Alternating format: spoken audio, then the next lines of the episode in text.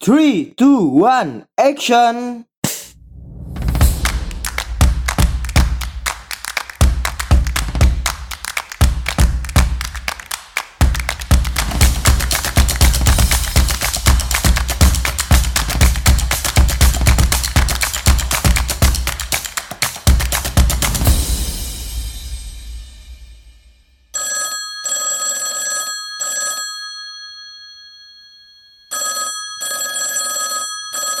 Halo, selamat datang kembali di Pod by MA, tentunya di program Anak Komunikasi.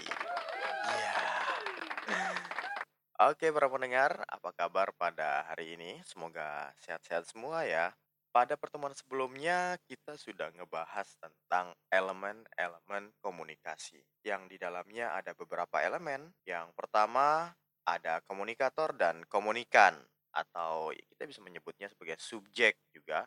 Ada juga yang menyebutnya sebagai people atau orang-orang, tetapi sekali lagi saya tekankan, komunikator dan komunikan nggak harus itu adalah manusia.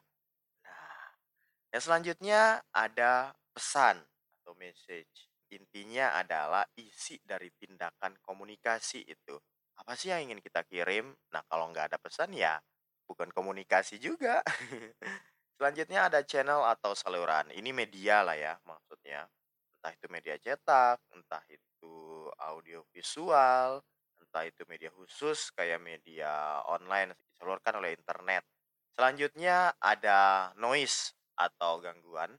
Ini juga cukup penting menurut saya ketika kita mengetahui apa sih gangguan-gangguan dalam setiap komunikasi. Jadi kita bisa meminimalisir gangguan-gangguan yang ada di sekitar kita saat kita itu ingin berkomunikasi. Sehingga tujuannya adalah komunikasi kita bisa menjadi efektif.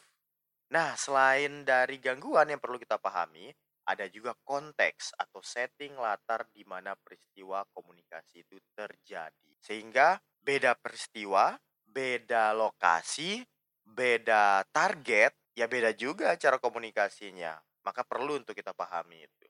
Dan selanjutnya adalah feedback atau umpan balik. Nah, ini adalah ya balasan dari kita berkomunikasi. Contoh misalkan kita menanyakan sesuatu pada orang, kemudian orang itu menjawab pertanyaan-pertanyaan kita. Nah, itu feedback. Dan yang terakhir adalah efek atau hasil dari komunikasi yang dilakukan. Entah kita itu minta tolong sesuatu, kemudian diambilkan dan mereka misalkan menilai kita itu adalah efek juga bagian dari efek dari komunikasi itu sendiri. Nah, pada pertemuan minggu ini kita akan menjelaskan lebih detail lagi nih tentang komunikasi, yaitu model-model komunikasi. Apa itu model komunikasi? Kalau saya pribadi sih seperti ini ya. Dalam setiap mengajar itu saya jarang menjelaskan definisi sesuatu peristiwa. Tetapi lebih menarik ketika kita memberikan contoh dan kemudian kita menarik apa sih istilah dari contoh-contoh tersebut. Sehingga cara berpikirnya bukan definisi ke contoh, tetapi contoh ke definisi. Nah, ada perbedaan itu sebenarnya, sangat berbeda. Misalkan kita menjelaskan sebuah definisi, dari ketidaktahuan menjadi tahu definisi itu. Kadangkala agak susah ketika kita membuat contohnya jika kita tidak memahami lebih detail tentang definisi itu. Apalagi ketika ada kata-katanya berulang-ulang atau yang enggak yang kita nggak pahami ya istilah-istilahnya. Berbeda jika kalau misalkan kita memberikan contoh dulu. Kalau memberikan contoh, kadang ada pemahaman yang kita dapatkan. Setelah ada pemahaman yang kita dapatkan, diri kita sendiri ini bisa mengambil simpulan tentang contoh-contoh tersebut. Sehingga, oh ini ya pengertiannya. Jadi berbeda banget ya cara-cara hal-hal seperti itu. Ini bisa dilakukan mungkin dengan teman-teman semua yang melakukan sesuatu atau menjelaskan sebuah fenomena kepada orang-orang lain. Dengan contoh, baru ditarik aja kesimpulannya seperti apa. Nah, untuk model-model komunikasi, itu sebenarnya ada ratusan model komunikasi yang ada di dunia ini. Dan itu didefinisikan oleh banyak sekali filsuf-filsuf yang ada di dunia ini juga tentang komunikasi. Tetapi saat ini kita hanya memperkenalkan tentang tiga model saja atau model pengantar lah tentang model komunikasi. Yang pertama, ada komunikasi satu arah. Komunikasi satu arah ini adalah proses pengiriman pesan dari sender. Nah, kalau ingat minggu lalu ya, jadi sender itu ya komunikator itu juga seperti itu. Dari sender ke receiver atau komunikan.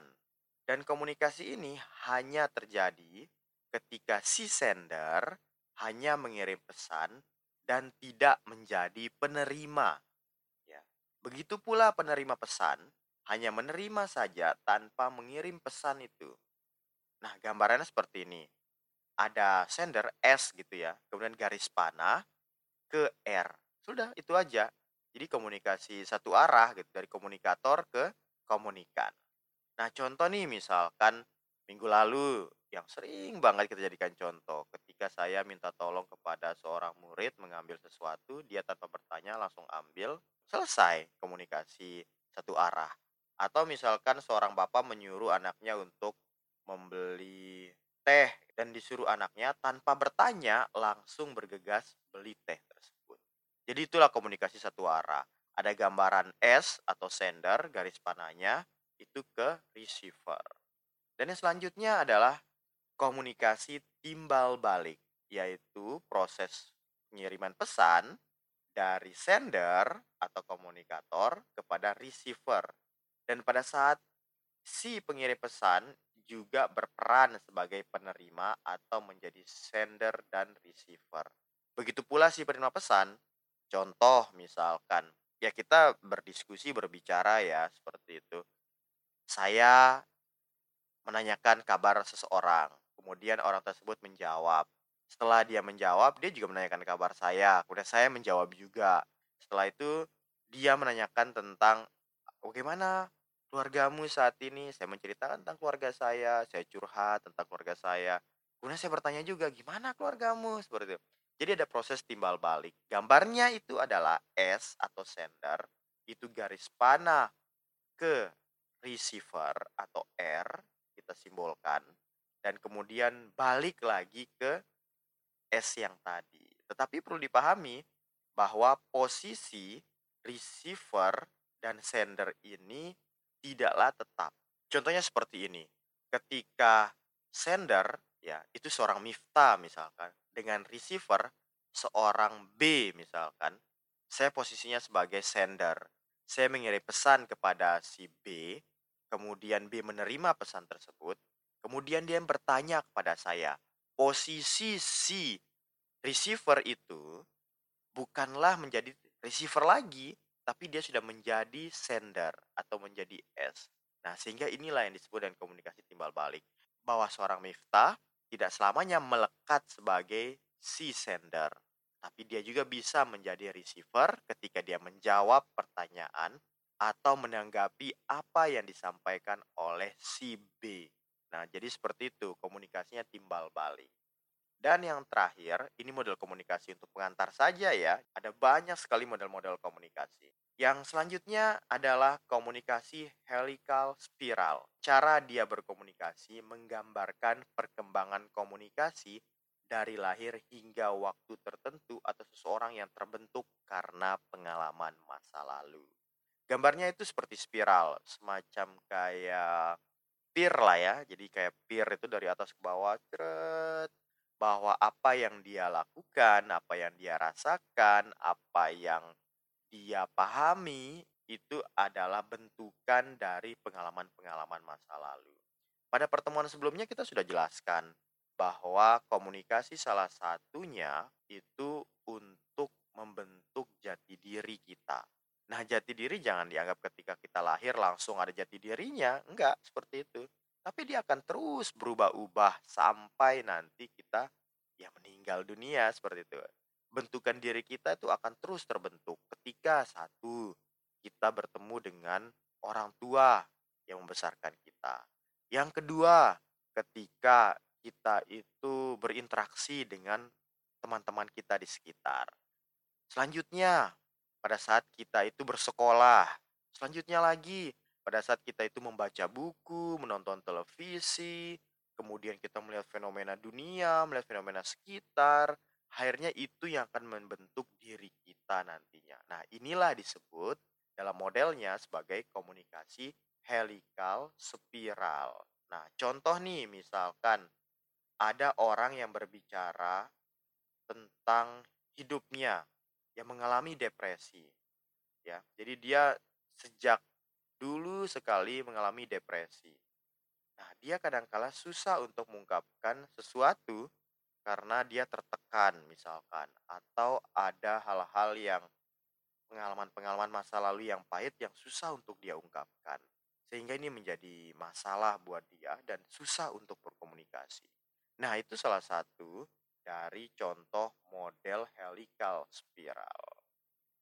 Oke, para pendengar, kita sudah jelaskan tiga model komunikasi pengantar ya. Yang pertama ada komunikasi satu arah, kedua ada komunikasi timbal balik, dan yang ketiga adalah komunikasi helikal spiral. Nah, jadi apa model-model komunikasi? jadi, model-model komunikasi ini tidak dititik beratkan terhadap fenomenanya. Contoh misalkan si sender mengirim pesan kepada si receiver. Nah, bukan fenomena pengirimannya sebenarnya, tapi model-model komunikasi lebih menjelaskan tentang bentuk-bentuk komunikasinya. Contoh pada saat ada gambar S, panah ke R. Nah, itulah model komunikasi. Atau pada saat timbal balik, S, panah, R, dan R juga ada panah kepada S. Nah, maka itu juga adalah model-model komunikasi. Dan yang terakhir tadi untuk mengantar dari model komunikasi yaitu helical spiral yang gambarnya seperti pear lah ya.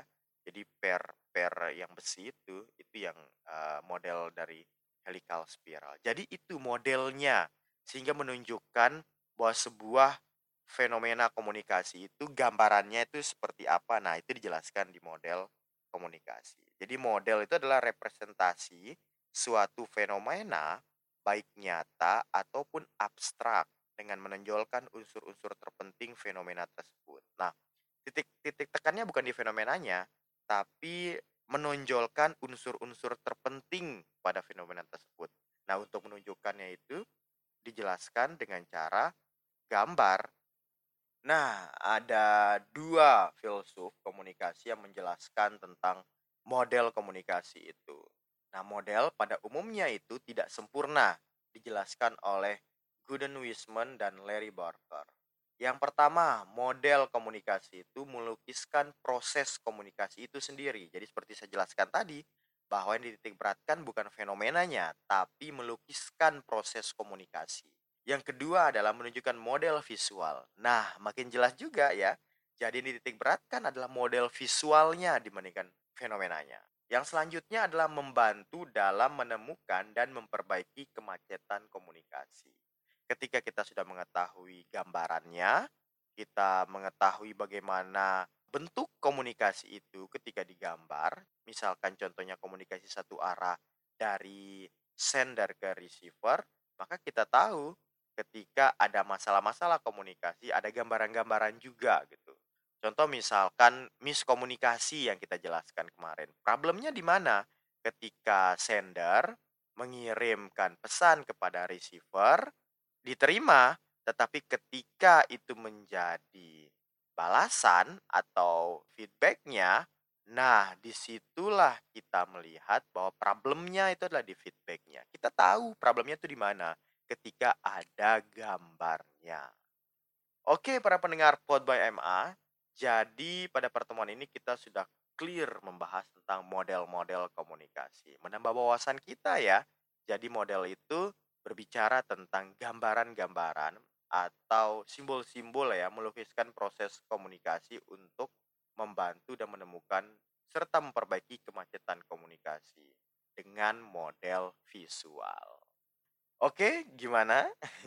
Sudah menambah pengetahuan lagi tentang komunikasi ya. Jadi selain kita berkomunikasi dalam artian berbicara seperti itu atau menyampaikan pesan dari media online atau kita itu melakukan podcast seperti saat ini, kita sebenarnya mengetahui ada model-modelnya, ada unsur-unsurnya, dan ada hal-hal yang perlu dibahas di dalam komunikasi yang kita lakukan tersebut.